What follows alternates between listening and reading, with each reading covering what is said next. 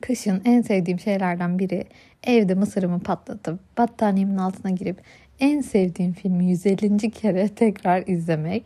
Bu arada en sevdiğim film The Holiday. Yani yeni yıl zamanları için bence çok yakışıyor bu dönemlere. Sıkılmıyorum. Aynı filmi defalarca izliyorum. Yine e, bu filmi hazırlık yaparken gittim böyle mısırımı patlatıyordum ve her mısır patlattığımda aklıma rahmetli babaannem geliyor ve hem, hem üzülüyorum hem de gülüyorum bu anımızı hatırladıkça onunla olan. Ee, işte yanına gitmiştik böyle köydeki eve. Size bir mısır patlatayım dedi. Mutfağa gitti. Aradan böyle 5 dakika falan geçtikten sonra kahkahaları gelmeye başladı babaannemin. Bir gittim böyle mısır patlattığı tencerenin işte kapağını kapatmamış ve mısırlar havalara sıçrıyor. Patladıkça patlıyorlar böyle 2 metre yükseğe 3 metre yükseğe böyle savruluyorlar ve babaannem başında gülüyor. Biz de onunla beraber gülüyoruz ama neden kapağı kapatmadığını anlamıyoruz. Sonra anladık ki aslında onda demans başlangıcı varmış. O yüzden benim için hem hüzünlü hem de komik bir hikaye. Ve ben her mısır patlattığımda böyle o mısırlar tek tek patlarken bu anıyı düşünürüm. Ee, ve dedim ki ya ben mısır hakkında ne kadar çok az şey biliyorum böyle. Bir mısırı google'layayım bakalım bu patlamış mısırı ya da patlayan mısırı, patlak mısırı. Herkes kendince bir şey söylüyor ya bu mısıra zaten. Ve bu minik araştırmamda gördüm ki işte mısırlar aslında içinin sıvılaşması sonucu patlıyorlarmış. İşte maksimum 3 metre yüksekliğe kadar çıkabiliyorlarmış. Dünyada en çok mısır tüketen ülke Amerika'ymış vesaire vesaire böyle çok değişik bilgiler. Ve sonra bir fark ettim ki tüm mısırlar aynı anda patlamıyor. Aynı yağdalar, aynı sıcaklıktalar. Tencerede bulundukları konum benzer bile olsa hepsi farklı zamanlarda patlıyorlar ve sarıdan beyaza geçişleri çok farklı anlar içerisinde oluyor. Bu bana böyle tıpkı insanın tekamül süreci ya da bir çocuğun birey olma süreci gibi göründü gözüme.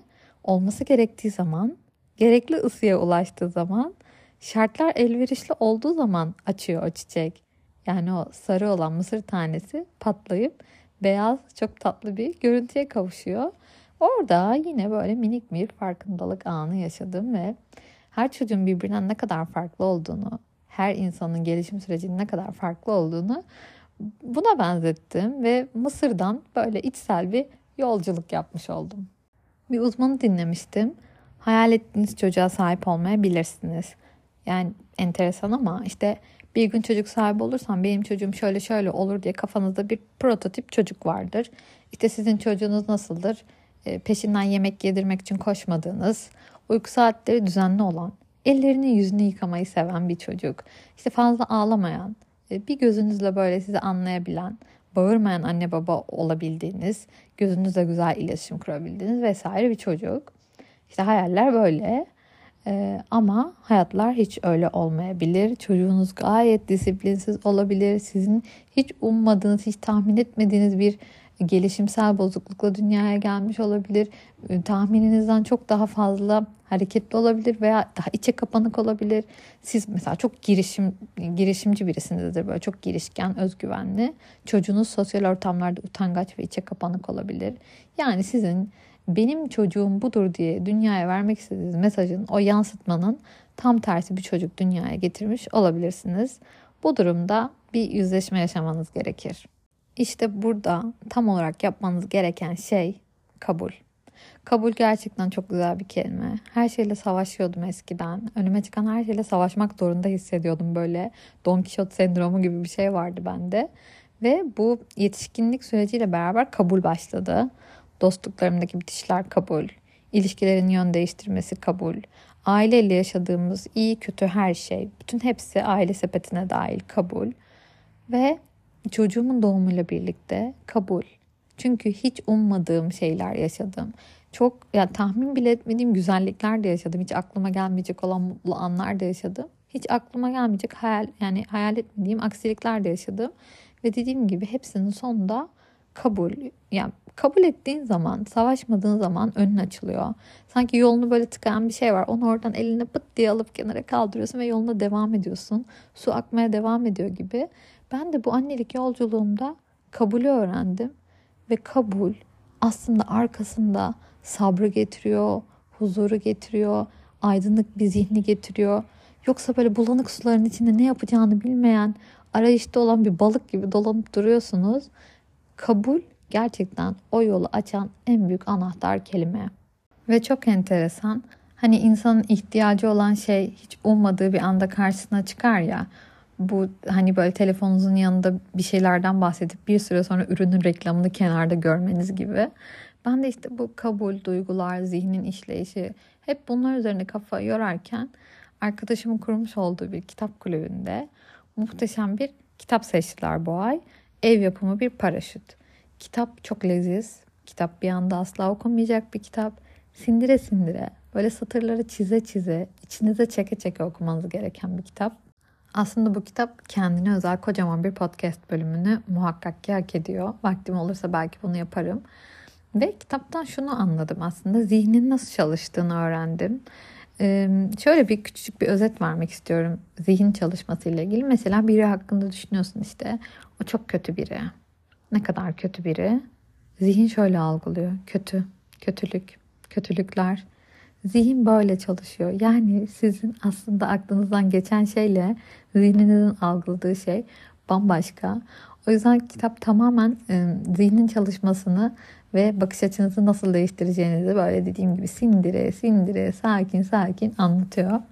Sonra oradan bir internette rastladığım bir kadına geldi. Şey diyordu işte kadın haklarıyla mücadele gününde işte geçtiğimiz günlerde bir paylaşım yapmış. Kadına yönelik şiddetle mücadele kelime grubunun ne kadar yanlış olduğundan bahsetmiş. Aa dedim ne diyor bu ya? Kadına yönelik işte şiddetle mücadele yapılıyor. Daha ne istiyor? Bununla ilgili programlar var, bildiriler yayınlanıyor. Toplumda bir bilinç oluşuyor. Bu kadın neye itiraz ediyor dedim. Kadın şuna itiraz ediyor. Kadına yönelik şiddet. Kelime grubu bu. Bunun sonuna mücadele eklediğiniz zaman evet siz doğru bir şey yapmış gibi görünüyorsunuz ama zihnin çalışma prensibini bilen bütün insanlar oradaki ufak tehlikeyi görüyor. Kadına yönelik şiddet. Zihin böyle çalıştığı için bizim bazı feminist argümanlarımız da aslında kendi ayağımıza sıktığımız argümanlar oluyor. Bu çok karışık bir konu. Çok yüzeysel geçeceğim ama benim ne demek istediğimi sanırım siz anladınız. O yüzden böyle güzele bakmak sevaptır. Güzel bakan güzel görür gibi cümlelerimizi biz hep e, güzellik algımız e, değiştiği için yanlış anlıyoruz ama oradaki güzellikten kasıt zihne iyi gelen şeyler. Zihni sakinleştiren, zihnin içinde sağlıklı bir yere koyabileceğimiz şeyler üzerine düşünmek. Bu yüzden de işte izlediğimiz filmler, bulunduğumuz ortamlar, yaşadığımız mekanlar, konuştuğumuz insanlar hepsi bizim zihnimizde bir yeri çalıştırıyor ve bizim ruh halimize çok büyük etkilerde bulunuyor. Ee, ben yaşadığım evin daha böyle cozy, tatlı ama dağınık olmayan, düzenli, kendi içinde sistemi olan bir ev olması için uğraşıyorum. İşlerimi organize ediyorum, hepsini planlıyorum ki bir kaos yaşamayayım. Yapacağım telefon görüşmelerinin bile böyle az çok sırası belli oluyor. Ve en önemli şey aslında hayatımı en çok düzene sokan şey ertelememek. Sihirli kelimelerden bir tanesi de bu bence. Evet o telefon görüşmesini ben de yapmak istemiyorum ama cevapsız çağrılar biriktiği zaman hiçbirine dönmeyeceğimizi hepimiz biliyoruz. İşte kitapları biriktiriyoruz, biriktiriyoruz ama hiçbirine başlayamıyoruz. Biz bazen düşünmeyi bile erteliyoruz. Önemli konular oluyor ya sonra düşünürüm, üstüne sonra konuşuruz, sonra bakarız. Bu kelimelerin hepsi aslında toksik. Ertelemeyelim önümüze ne çıkıyorsa o anda çözmeye çalışalım. Ha büyük ve derin konular varsa tabii ki kendimizi daha iyi hissettiğimiz zamanlarda birileriyle paylaşmamız gerekiyorsa daha doğru ortamlarda bunun üzerine paylaşım yapalım ama günlük hayattaki işlerimizi ertelememek çok önemli. Özellikle de hayatınızda bir veya birkaç çocuğunuz varsa çünkü hayat çok akışkan, çok dinamik, çok devingen ve tek bir günü bile zayi edilemeyecek kadar kıymetli. Burada bahsettiğim şey aslında uyanık olmak, uykudan uyanmak. Çünkü uyanık olduğunuz zaman yaşadığınız anın farkında oluyorsunuz. Bazen o kadar otomatik pilotta yaşıyoruz ki Zaten az önce atıfta bulunduğum kitapta da bundan bahsediyor. Her şeyi otomatikleştirilmiş bir biçimde yapıyoruz ki o kadar uykudayız ki hayattan tat da alamıyoruz. Ya arkadaşlarımızla yaptığımız konuşmalar bile otomatik pilotta. Nasılsın? İyiyim. Sen nasılsın? Nasıl gidiyor? İyi. Senin nasıl gidiyor?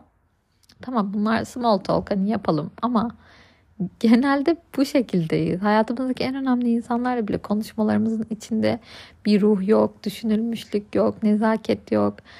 E bir de öyle bir dönemdeyiz ki her gün uyanıyoruz yeni bir kötü haber. Hem de kötülerin kötüsü. Sürekli felaket haberleri alıyoruz. Zaten 2020'den bu yana yüzümüz gülmedi de. Şöyle bir şey, bunu kardeşim beni böyle bir uyandırmıştı bir gün. Ben yine böyle savaş haberlerini izleyip kahrolduğum bir gün. Ya yeteri kadar bak dedi. Elinden gelmeni ve farkında olmanı sağlayacak kadar bak. Çünkü zaten sen de farkında değilsin ama bir savaşın içindesin. Bu beni uyandıran bir cümle oldu. O dakikadan sonra haberlere bilmem gereken kadar baktım. Evet uyanık olmamı sağlayacak kadar bilinçlendim. E, hayatımda bazı şeyleri şekillendirdim. Ama her şeyi bilmek benim kapasitemi aşar. Bu bardak belli bir yere kadar acı alabilir. O dozun üstünü kaldıramıyorum, yapamıyorum. Bu tüm duyduğumuz kötü haberler için geçerli. Şu an ülkenin gündemi de, dünyanın gündemi de çok sıcak. Sayfayı yeniledikçe kötü haber akıyor. İyi tek bir şey yok, varsa da paylaşılmıyor. Şu anda gerçekten yani tam olarak acı şov yapıyor. Tam olarak böyle söyleyebilirim. Burada kendimizi korumamız gerekiyor. Çünkü biz o haberlerin içinde yaşayan, oradan ibaret insanlar değiliz. Bu telefonu, o televizyonu kapattığımızda, gündemi kapattığımızda burada da bir gerçek hayat var sürdürmemiz gereken. Bu gerçek dünyada yemek yapıyoruz, uyumaya çalışıyoruz, dinlenmeye çalışıyoruz. Çocuklarımız var, ilişkilerimiz var, hayatlarımız var. Ve birçok sorun var. Kapıdan adımımızı attığımız anda dünya ve mücadele başlıyor. Bunun için sağlıksız bir zihne sahip olduğunuz zaman düşünebiliyor musunuz? Bunun için gücünüz kalır mı? O yüzden bazı şeylere fren, kötü haberlere karşı bir fren. Ha, tabii ki aptal olmayacağız, bileceğiz ama yeteri kadar. Bu aslında bir vicdani rahatlatma gibi de olacak sizin için. Bunu kafanıza yerleştirdiğiniz zaman Herkes için üzülüp ağlamaktan geri duracaksınız. Herkese merhamet etme duygusundan kendinizi geri çekeceksiniz. Dünya ile aranızda böyle kalın bir halat değil ama tamamen de kopuk değil. ince bir ip olacak. Bileceksiniz, tutunacaksınız ama içinde kaybolmayacaksınız. Bu çok çok arada bir denge. Ben ipin ucunu kaçırdığım zamanlarda çok şükür ki, çok şanslıyım ki gerçekten çok uyanık bir zihne bilince sahip bir kız kardeşe sahip olduğum için beni böyle bir şefkatli tokatlarıyla uyandırıyor. Ben de bunu sizle paylaşmak istedim. Ee, ünlü bir oyuncu vardı böyle eskilerden. Hatta şeyde komedi dizilerinde oynuyordu. Unuttum da. O da öyle diyor. Mutlu olmak için her şeyi bilmeyin. Yani mutlu olmak istiyorsanız her şeyden haberiniz olmasın. Yeteri kadar. Kelimemiz bu olsun. Ben bu podcastleri kendim içinde yaptığım için bu, bu çıkarımı e, yaptığımı kendime de hatırlatmış oluyorum. Çünkü zihnin nasıl çalıştığını öğrenmiş olduk. Bu aramızdaki küçük bir sır olsun. Umarım herkesin ilişkileri dengededir. Dengede olmayan ilişkilerinizin hepsini bir an önce dengeye getirmek için uğraşın. Çünkü dünya daha farklı bir yere evrilecek. Her şey daha da kaotik hale gelecek ve eğer hem iç dünyamız karmaşa içinde olursa hem de dış dünya kaotik olursa kendimizi bir anda çok duygu durumu bozuk bir şekilde bulabiliriz.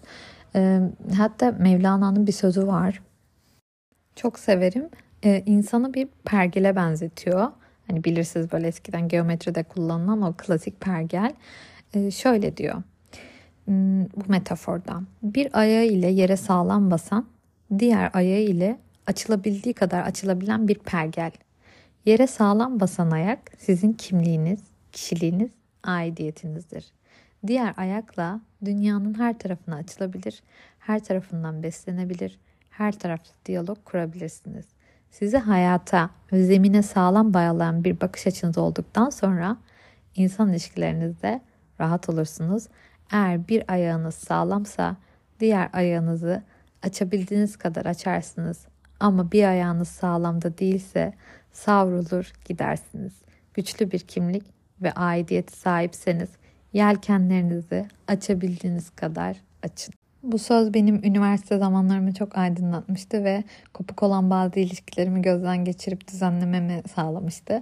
Belki bir yerlerde birilerinin işine yarar. Tam cebe atmalık oldu. E, bu bölümlük benden bu kadar. E, 2023 özetlerin geldi podcastlerin ve benim kendi podcast kanalımın da geldi. 2023 yılında şu anki beni dinleyenlerin %83'ünün 2023 yılında e, benimle tanıştığını söylüyordu gelen bildirimler.